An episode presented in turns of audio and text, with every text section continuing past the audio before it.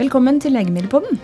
Jeg heter Eline Feiring, og i denne episoden skal du få høre om sjeldne sykdommer og om det spennende feltet genterapi, som gir håp om behandling for noen av sykdommene. Her i studio har jeg fått besøk av Kristin Mesteig og Glenn Osnes. Velkommen. Takk. Dere jobber til daglig med sjeldne sykdommer i Takeda og Pfizer.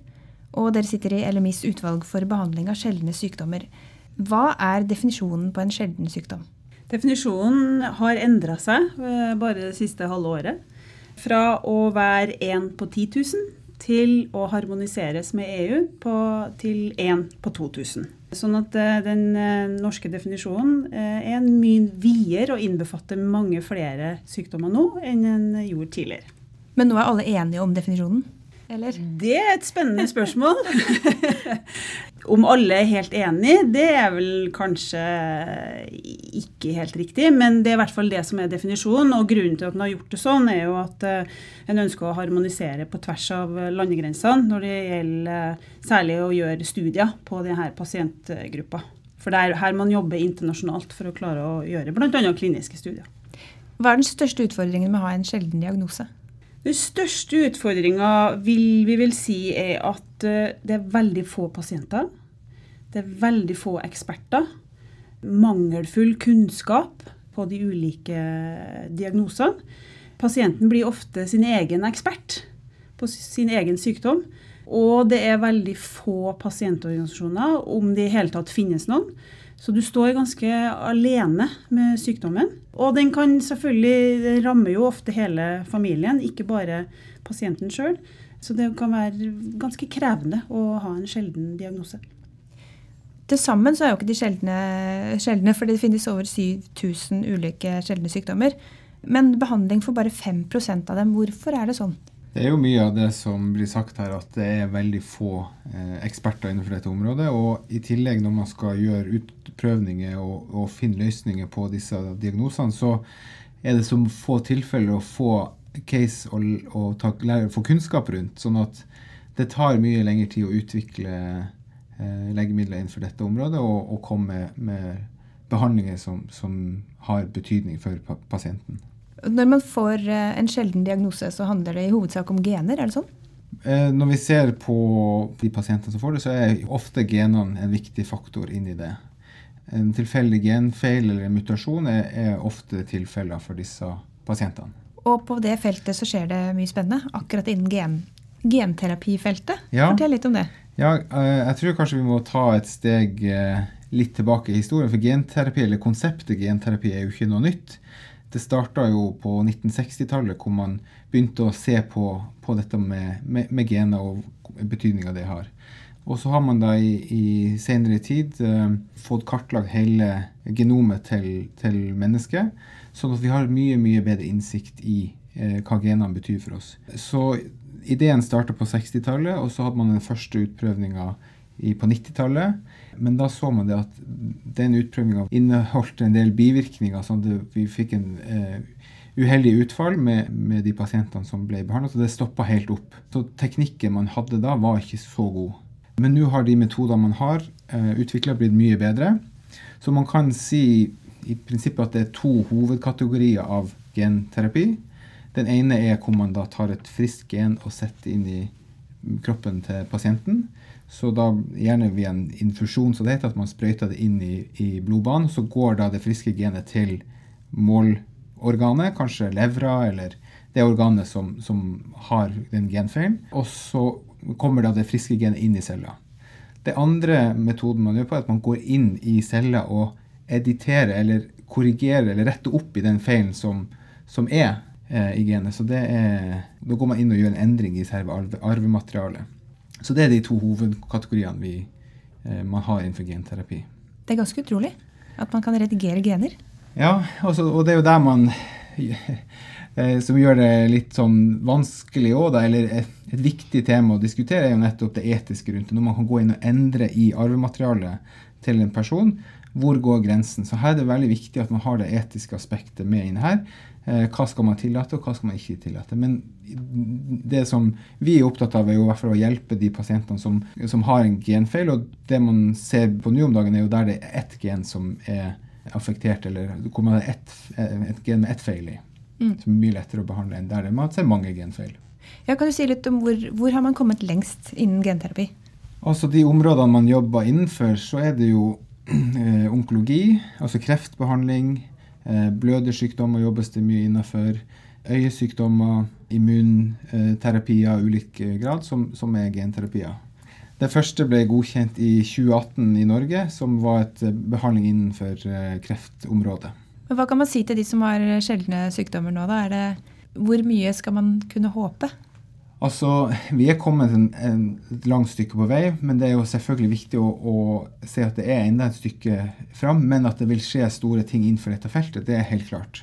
Eh, og det ser vi jo når vi ser på våre medlemsbedrifter som jobber innenfor dette feltet, så er det masse forskning og utvikling som, som pågår der. Og det er jo det som gjør det her så spennende, og særlig når du har en en pasientpopulasjon som er veldig 80 er jo genetisk betinga eh, og har en genetisk manifestasjon. Og det at det er så stort fokus på eh, forskning og utvikling innen dette området nå, eh, gir jo håp til denne pasientgruppa. Så jeg er jo helt enig med Glenn at vi skal jo ikke gi noen falske forhåpninger.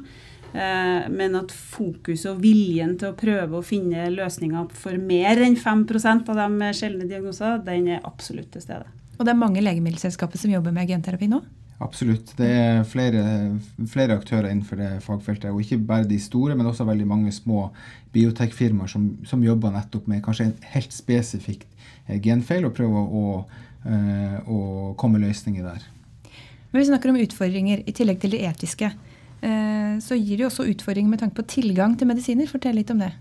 Det systemet vi har i Norge i dag, er basert på store populasjonsstudier og store sykdommer som sådan. Eh, hvor en har stor grad av dokumentasjon og relativt stor grad av sikkerhet når det gjelder effekt og bivirkninger. Eh, når vi nå går inn på sjeldne diagnoser og persontilpassa medisin, så er individet det som er i fokus. Og tilgangen på dokumentasjon når du har så få pasienter, er veldig begrensa. Og det gjør at dagens system eh, kanskje ikke er helt rigga til å ta, ta, imot denne type behandling. Og så må du huske på det at eh, Innenfor genterapi så er jo målet at man skal prøve å kurere sykdom istedenfor bare å behandle. Så hvordan kan man da finansiere en behandling som kanskje er én behandling som du tar én gang, og så, og så, har du effekt over x antall år. Hvordan skal den effekten verdsettes eller dokumenteres? Sånn at uh, det at vi må ha nye modeller for å kunne finansiere eller betale for disse typer legemidlene, uh, har stor betydning for om pasienter får tilgang eller ikke. Mm. Det vi jobber med i sjeldenutvalget er jo nettopp å, å komme sammen med myndigheter og diskutere hvilken type løsninger skal vi ha for framtida. Og det er jo når vi begynner å se på sånn typiske løsning òg, så har man jo sett på kanskje man skal betale for den effekten man får. Istedenfor at alle får behandling, så er det bare de som har effekt av medisin du tar betalt for. Sånn at da må jo også systemet være rigga for å ta imot den. Hvordan skal man følge opp de måleparametrene man har satt opp som skal eh, måle effekt? Eh, og Her ønsker jo vi å, å være en, en, partner inn i den diskusjonen, og håper og, og tror at vi har eh, en plass ved bordet sammen med de andre interessentene og, og viktige myndighetspersoner. Men opplever dere at myndighetene har gehør for eh, at det trengs nye modeller? Det er mer og mer, eller en større forståelse for at det trengs en endring. Mm. Og jeg vil vel si at også LMI blir sett på i en del fora i hvert fall som en viktig aktør og som en, en, en en riktig aktør å involvere. Eh, men at det kan forbedres, det er det vel ikke noe tvil om. Eh, og som Glenn sier her, det er viktig å ta med oss som, som en premissleverandør og en, en, diskusjonspartner når vi skal finne nye modeller og nye, nye løsninger på det systemet som vi har i Norge i dag. Og det behovet for nye løsninger er jo ikke bare noe vi i LMI ser, og, og medlemsfirmaene der, men man ser jo også at helseforetakene sier jo at her må vi se på hvordan skal vi kunne ta i bruk medisin eh, for enkeltindivid, og ikke nødvendigvis en hel populasjon. sånn at det, det, er ikke bare noe vi, vi, vi ønsker, det er et, et, et, uttalt ønske fra helseforetakene. Sånn at uh, vi, vi, er klar til å finne løsninger sammen med LIS og Beslutningsforum og helseforetakene. Så. Ja, og pasientorganisasjonene. Nå vil jeg vel kaste inn her ja. som en veldig viktig uh, aktør, ja. som òg må involveres i, i den mm. eh, diskusjonen og Helt de, klart. de løsningene som vi må komme fram til. Mm. Så dette er noe av det LMIs utvalg for behandling av sjeldne sykdommer jobber med. Er det noe mer dere jobber med? Altså Det med nye og innovative modeller for å ta imot nye innovative legemidler er høyt på, på vår agenda. Absolutt. Eh, og vi jobber jo kontinuerlig med å, å øke forståelse og kunnskap eh, omkring det her med å leve med en sjelden eh, sykdom og være en del av en små pasientgrupper. Det å ha, øke den kunnskapen eh, blant eh, alle er, er kjempeviktig. Men vi jobber jo også med å styrke sjeldenfeltet som sådan. Når det gjelder generelt rammevilkår, å ha gode rammevilkår, og få en økt forståelse eh, politisk for ei pasientgruppe som faktisk står veldig alene eh, med sin sykdom. Men denne pasientgruppen har en egen dag som heter Sjeldendagen. Som Ja. er 28. februar hvert år. I år 29. februar fordi det er skuddår. Yes. Eh, hva handler Sjeldendagen om i, i år? I år så er det Eller hvert år har de et uh, nytt tema. Årets tema er 'Et sjelden syn nye perspektiver på sjeldne diagnos diagnoser'. Så vi oppfordrer vel egentlig alle til å eh, besøke nettsiden til uh, FFO. Lese mer om, om den dagen der. Og så er det jo et arrangement i Oslo på førstkommende fredag, 28.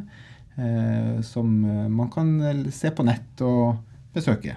Og I tillegg så er det et arrangement foran Stortinget på selve sjeldendagen eh, mellom 12 og 2, eh, som òg arrangeres eh, for å markere sjeldendagen på den ekte sjeldendagen, kan du vel si. Men da ønsker dere en god sjeldendag, da. Takk. I like måte. Og Legemiddelpodden den kommer oftere enn sjeldent, og er eh, snart tilbake. På gjenhør.